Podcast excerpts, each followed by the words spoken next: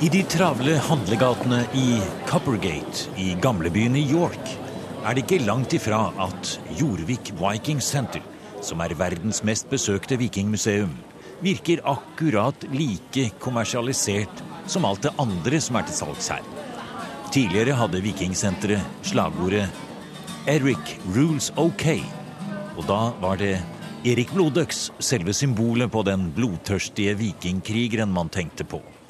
Og selvsagt det at Eirik Blodøks var konge i denne byen minst to ganger på 900-tallet. Det er en vikingfugl. En vikingfugl, ja. En musvåk. Ja, fantastisk. Museum har tatt turen flere ganger rundt i det vakre landskapet i Yorkshire i Northumbria, som rett og slett betyr landet nord for elven Humber.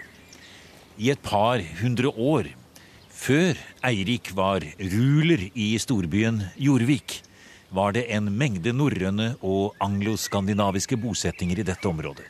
Steinskulpturer, kors, stedsnavn og nedgravde vikingskatter vitner om det.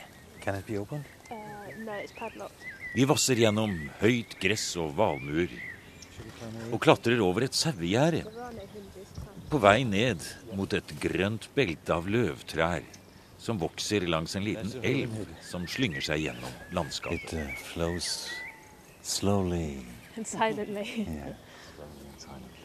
Slik hørtes det ut da vi i museum i fjor fant fram til den lille elven Nidd, som bukter seg fra fjellene The Pennines i vest, før den løper sammen med Os, som renner gjennom York. Dette var en av ferdselsveiene med båt til og fra vikingbyen Jorvik. Elver var veldig viktig i vikingtiden. Det var lettere å reise med båt enn med fot. Hvis man har skatter eller krigsstoff Eller man er en handelsmann, kanskje? Ja, så videre. Er det lettere å, å reise med, med båt. Og denne elv er en som går vest fra eh, York opp inn til eh, fjellene, um, de Pennines. Og på andre siden er det andre elver som går ned til Irskjøen. Guthrith, uh, som var bror av den siste uh, vikingen i, i York før Athelstan. Han prøvde å ta uh, York tilbake, og så har han flyktet uh, til vest, og han prøvde å reise til, til Irskjøen. Det er jo akkurat denne veien her. Det vet vi ikke, men det er mulig. Så vi kan ikke si at det var hans skatt, men det er veldig sannsynlig, uh, syns jeg, at det var eller hans eller en av hans uh, høvdinger. Det var en spennende teori, Geir. Da vi besøkte dette berømte jordet noen få mil vest for York, var det for at historiker og myntekspert Gareth Williams fra British Museum skulle fortelle om den store vikingskatten som nå heter The Whale of Yorkord, først kjent som Harrogate-skatten. Flyktende vikinger fra York gravde ned et gullforgylt sølvbeger med 617 mynter, en mengde hakkesølv og en gullring i året 927. Da var det fullt opprør i York, med småkonger både fra skotske og irske vikingfamilier i full strid med de angelsaksiske høvdingene, som forsøkte å etablere et riksstyre. Det er ennå ti år til Harald Hårfagres sønn, Eirik, skal bli innsatt som underkonge i denne delen av England, med etterfølgeren og sønnen til den mektige kong Alfred den store, kong Adalstein i London, som oppdragsgiver. Uh, alle de, de vikingkonger som hadde makt i Nord-England, har preget mynter. Uh, så f.eks. for eksempel, vi har mynter uh, av Erik Blødags fra litt senere. Og- Han brukte vel et sverd på sin? Ja, han, han brukte en sverd, og jeg syns at hva skjer med Erik, er at han ser tilbake til denne tid uh, før Athelstan hadde tatt makt i Nord-England. Uh, Eriks mynter så ut veldig like til disse tidligere Sankt Peter-mynter. Og det ville si, uh, si til de som brukte dem, ja, vi har vår egen nordengelsk mynte uh, igjen, og uh, vår egen nordengelsk kong. Så for dem var Erik ikke en viking eller en nordmann, han var en nordengelsk kong og en Northumbrian kong. Og de var ikke del av en større England. Men på dette tidspunktet i fortellingen om Eirik Blodøks, som hersker i det store Northumberland, en femtedel av England, med York som hovedsete, er bildet av hva som egentlig skjedde, ikke helt klart. Sagaer, skaldedikt, helgenvitaer og andre historiske kilder peker mot forskjellige versjoner, og kildene i seg selv kan være vanskelige å tolke. Men én ting synes klart. Eirik Blodøks må ha vært konge i York minst to ganger. Først som Adalsteins visekonge, antakelig fra 937 til 939, og så i en senere periode på 940-tallet. Og det var i denne siste perioden Eiriks mynter ville demonstrere uavhengighet fra London.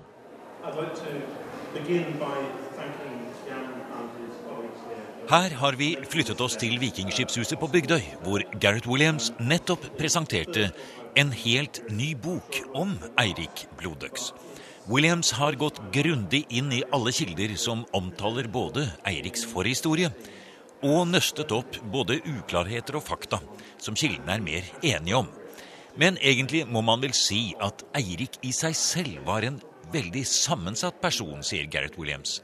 Og kanskje er uklarhetene i kildene også et slags uttrykk for at Eirik ikke var like god til å styre et kongerike som han var til å plundre og herje. Ja og nei. Han er i mange måter en, en typisk viking. Og han var kanskje bedre som viking enn han var som kong. Mm. Han var typisk viking i at han hadde lyst til å plyndre uh, og drepe mann og, og, og, og, så videre. Uh, han var uh, flink med erobring og krig, men ikke så flink med å administrere den uh, kongedom som han hadde uh, vant uh, for seg. Hvis vi ser det fra norsk synstad først og fremst, så er det klart at her er nye ting vi har i Norge først og fremst lest sagaene. Og så er det plutselig et svart hull. Erik Bloaks han forsvinner frivillig vekk til England. Og så er det mystisk hvor han reiser, og han dør han i Spania.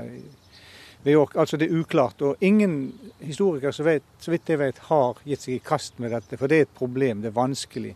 Og der har Gerhard nå gjort det første opprydningsarbeidet og gi oss et nytt bilde av Erik Blodøks. Slik som vi ser han i Norge, oppfatter vi han som en litt toskete konge, styrt av ei galen kjerring. Det er den populære måten som du vil møte i bygd og by hvis du snakker med folk. Professor Torgrim Titlestad fra Stavanger har vært konsulent og tilrettelegger for utgivelsen av boken om Eirik Blodøks på forlaget Saga Bok. Boken kommer i både norsk og engelsk versjon, og gir et mye mer sammensatt bilde av de historiske og politiske prosessene på begge sider av Nordsjøen på 900-tallet, sier Titlestad.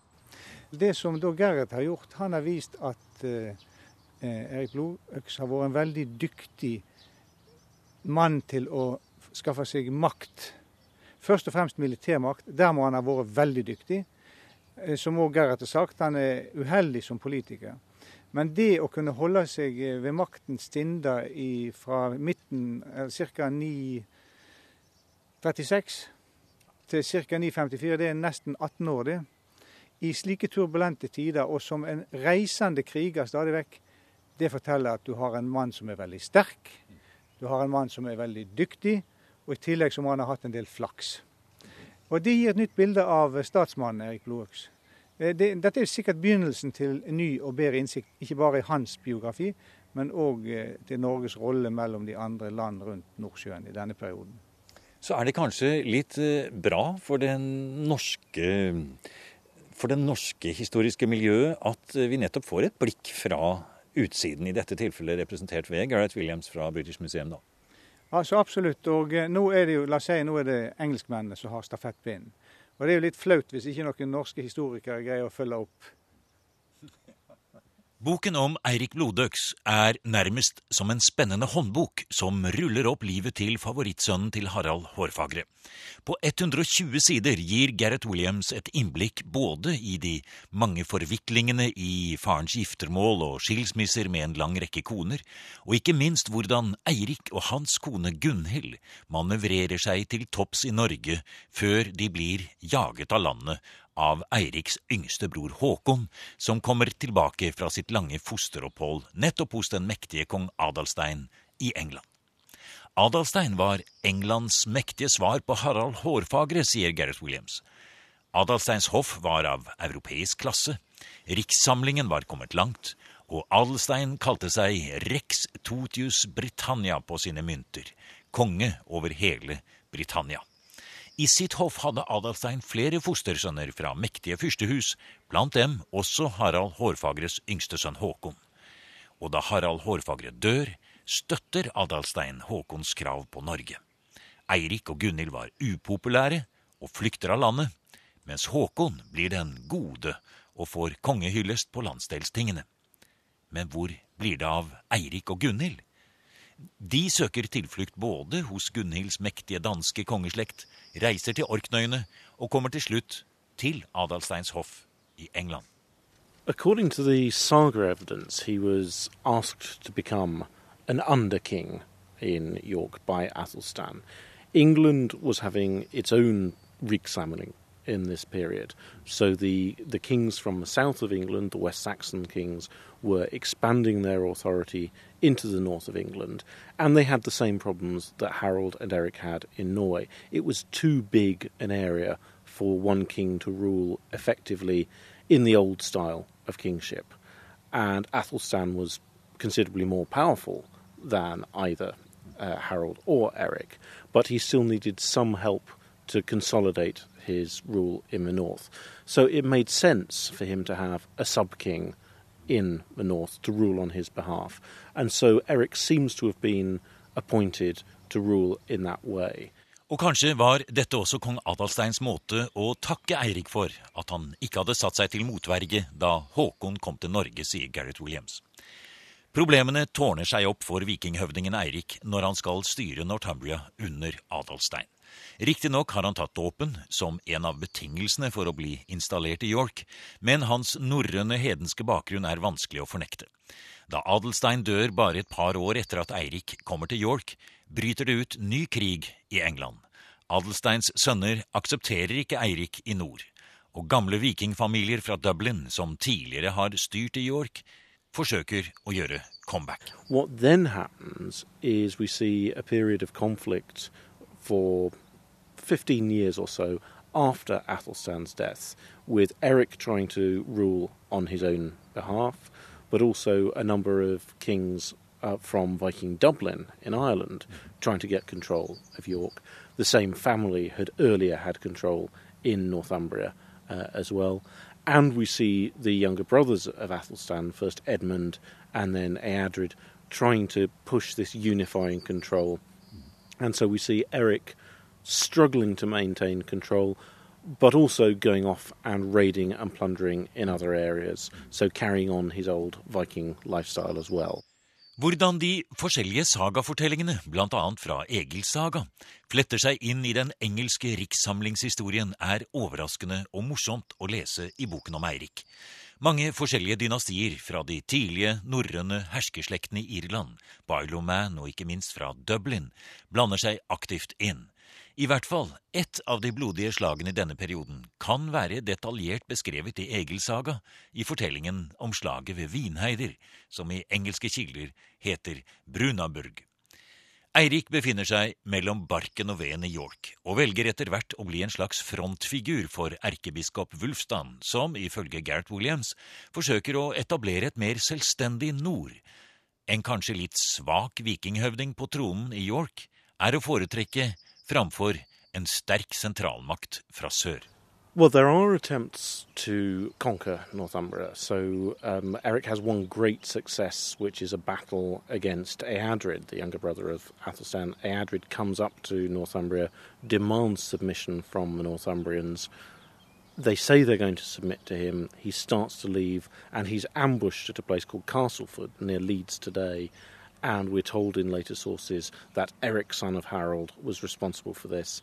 It's a victory but Edred then threatens reprisals. The Northumbrians are scared and agree to give up Eric as, as, as their king. He's forced into exile again, mm. but he then comes back. And what we see is the people of Northumbria, and by the people I think we mean the the chieftains, the, the rich men in society, also interestingly the, the Archbishop of York, seem to support the idea of having their own ruler even if that has to be a Viking like Eric, rather than being sucked into this newly unified kingdom of England under the, the Southerners. They don't want to be ruled by the West Saxons. That would mean less power for them.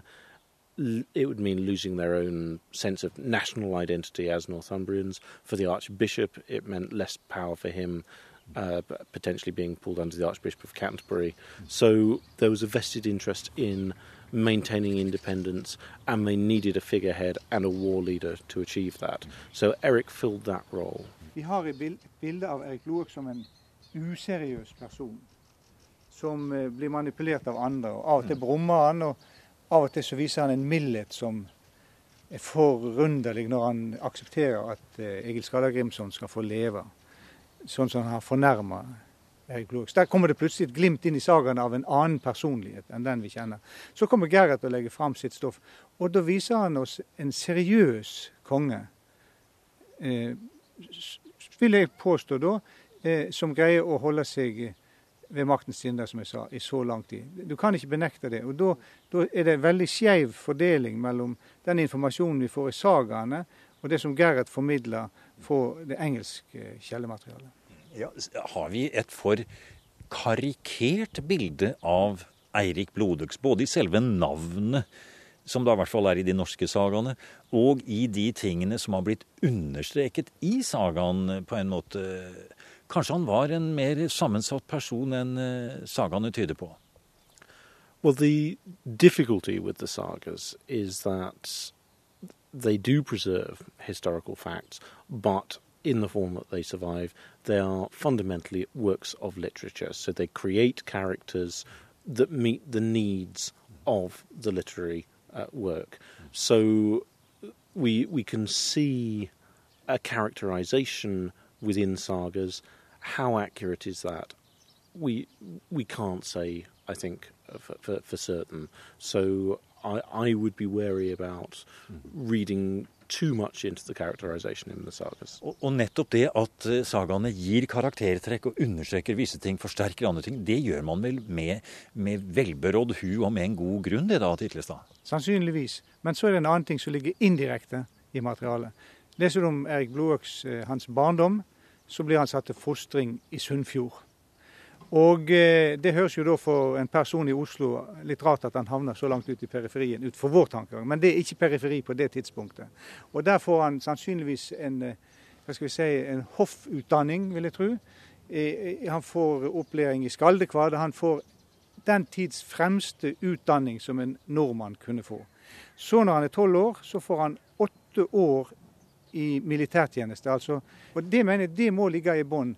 For Erik Blodåks ville neppe greid å fullføre denne utdanninga si hvis han var en sånn karikert person som vi leser gjennom sagaene. Og nettopp en konge som Atelstan, eh, som han da tydeligvis eh, står på relativt god fot med til å begynne med, det var jo heller ingen hvem som helst, og som da aksepterte Eirik som da kom der.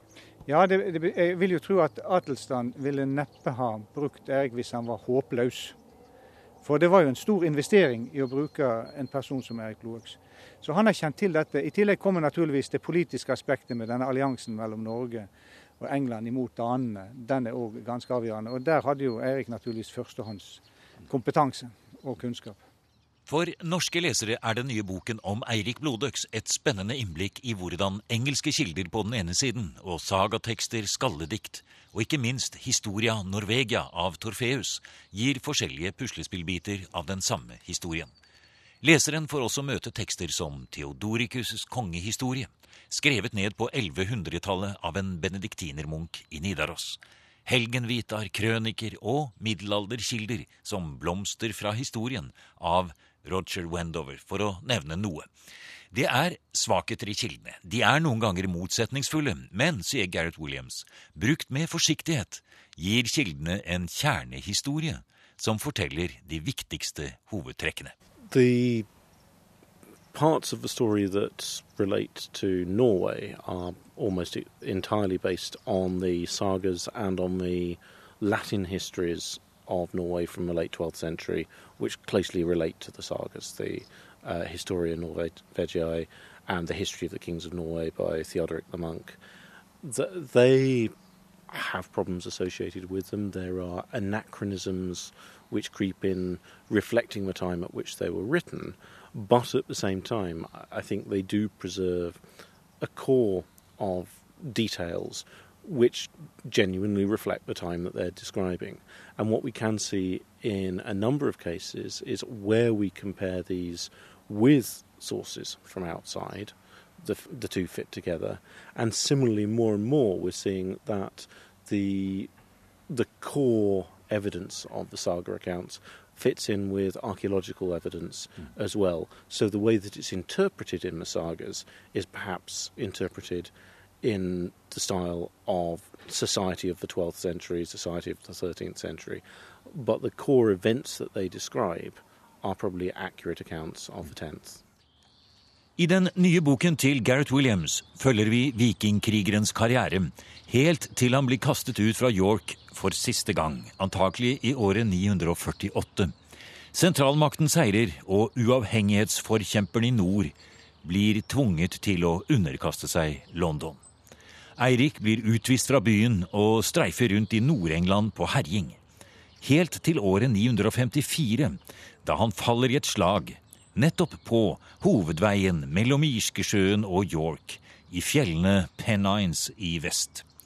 Som det heter i sagaen, Odin ville ha ham hjem til Valhall, siden det snart brygget opp til den endelige striden. He was killed in a battle in a place called Stainmore. Ja, hvor er det? That's in the north of England, and the name literally means a stony moor. Mm.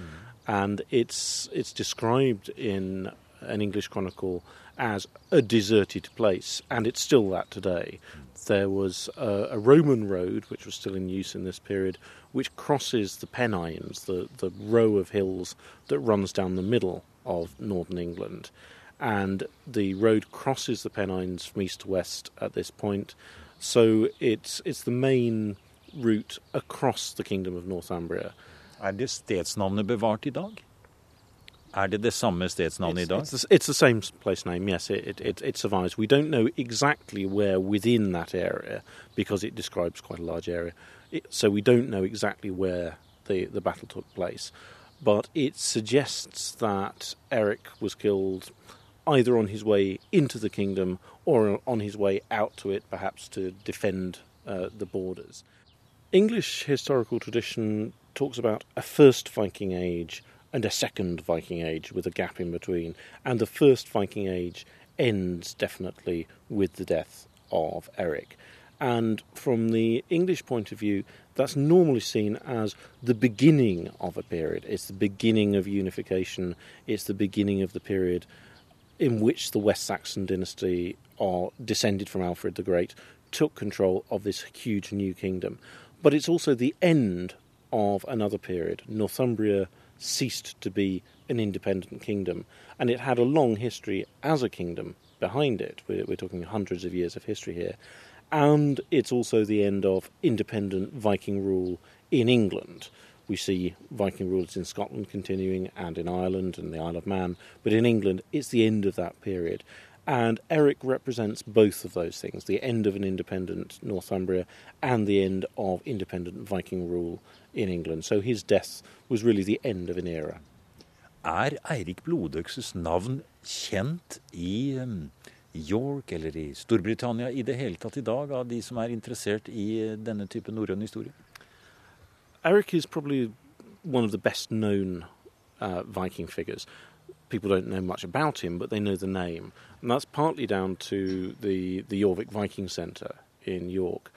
And it's, a, it's an interesting case in point of how one looks at the Vikings for marketing. The Jorvik Centre really focuses on the, the peaceful attributes of the Vikings in York, particularly in the north of England. So the settlement, the trading, the manufacture that we see in the archaeology of Viking York. And yet they chose to market themselves for many years with an image of the typical Viking uh, warrior. He's got a, a, helmet like the one from Yemenbu in the museum here in Oslo. Um, he's, he's got a big beard, and underneath the, the motto, Eric Bloodaxe rules okay. And people know the name. If people were asked to come up with the name of a Viking, I suspect Eric would be the one they'd come up with. Du har nå hørt programmet Museum som podkast fra NRK. Museum sendes i NRK P2 på lørdager og søndager. Du finner flere programmer på nrk.no podkast.